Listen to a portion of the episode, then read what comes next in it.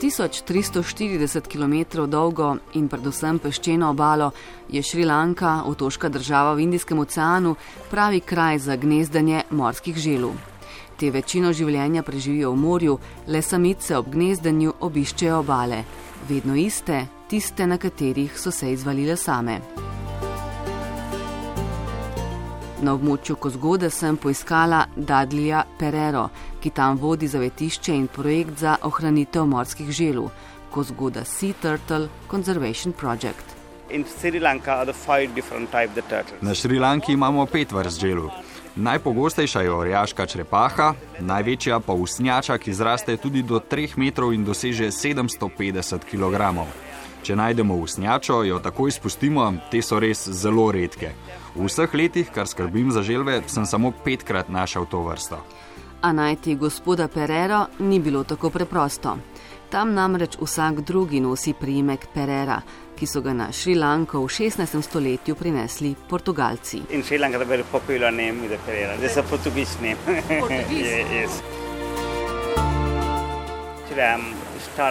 S projektom za ohranitev želu sem začel leta 1988. Že predtem pa sem nekaj let imel na obali zavetišče za želve. Za mano je že 34 let dela na področju zaščite in ohranitve želu. Na morske želve vse življenje prežijo plenilci, na odrasle morski psi in ubijalski kiti, na mlade pa ptice in rakovice. Celo ribe se jih rade lotijo. Največji sovražniki pa so ljudje. Želvja jajca veljajo za afrodizijak in jih na črno še vedno prodajajo, ne le na šrilanških trgih, ampak tudi v drugih azijskih državah. Pogosta je tudi želvja juha, posamezne dele želve pa uporabljajo za modne dodatke in nakit. Veliko se jih zaplete tudi v odslužene ribiške mreže in plastiko.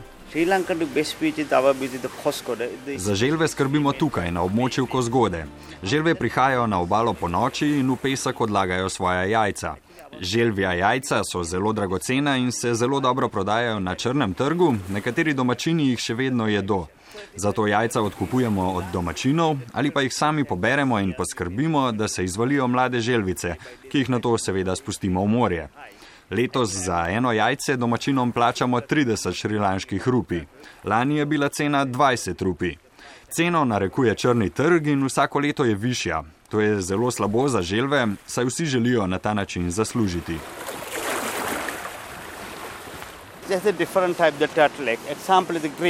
Tukaj imamo na primer v pesek zakopana jajca orjaške črepahe. Napišemo, koliko jih je in datum, kdaj smo jih dobili. Tam smo pred tremi dnevi zakopali 71 jajc prave karete, ki smo jih odkupili od ribičev. Zdaj bomo počakali najmanj 48 dni, da se izvalijo mlade želvice. Nekatere bomo takoj spustili v morje, šipkejše pa imeli nekaj časa v naših bazenih, jih krmili, da malo zrastejo in se ukrepijo, na to pa jih bomo po noči spustili v morje. Morske želve sicer živijo približno tako dolgo kot ljudje, tudi do 100 let a do te starosti je dolga pot. Samice spolno zrelost dosežejo pozno, pri 20 letih, a tudi potem gnezdijo le na vsake dve leti ali več. Čeprav samica hkrati odloži tudi do 140 jajc, je statistika preživetja precej nizka. Lani smo v morje spustili več kot 45 tisoč mladih želvic in predvidevamo, da jih je preživelo od 3 do 4 odstotke. Zelo malo želv preživi in če jim ne bi pomagali, bi jih preživelo manj kot odstotek. Na tisoč želv samo ena preživi do odrasle dobe. Dudley Pereira od ribičev in domačinov ne odkupuje samo želvih jajc, plača jim tudi za ranjene živali. Če se v njegovem zavetišču izleže albinček ali deformirana žival, obdrži tudi tako. Eh, Na tem območju imamo kar srečo, saj ljudje ne lovijo odraslih želv zaradi mesa, problem so samo jajca. Nekateri spoštujejo živali, drugi potrebujejo denar in lovijo želve. To je tukaj problem. Vseeno pa se mi zdi, da večina šrilančanov spoštuje naravo in živali. Turisti, ki se na Šrilanki ustavijo v želvih zavetiščih, teh je ob jugozahodnem delu kar nekaj, se seveda želijo slikati z želvami v rokah, a tega Dudley Pereira ne dovoli. Želi, da bi turisti pustili želve pri miru, v morju in ob obalah, kjer se želve včasih hranijo. To je tukajšnji problem. Gre za ohranitev in pomoč želvam in če mi je res mar, potem s tem ne morem zaslužiti. Ne vem, kako imajo drugi, sem pa slišal, da je ponekod interes druge. Želve je treba zaščititi. Ne moremo jih zadrževati v bazenih in kazati turistom, jih spuščati v morje, ko je dan in s tem služiti. To ni dobro.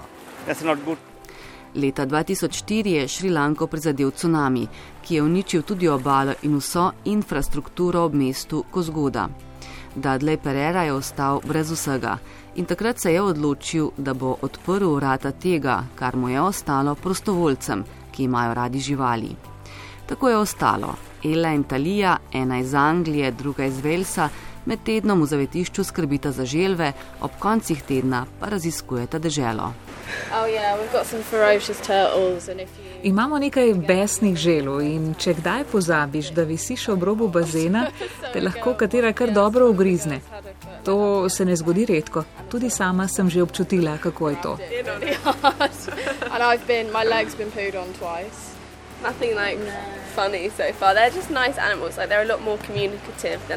So pa zelo prijetne živali, veliko bolj komunikativne, kot sem mislila. Ko zjutraj prideš in rečeš živijo, priplavajo in te pozdravijo. S človekom vzpostavijo poseben odnos in lahko ga tudi ti z njimi. Oziroma, kot sem nekoč nekje prebrala, pojdi na sprehod želvo in opazuj svet, kako se bo ta za trenutek ustavil.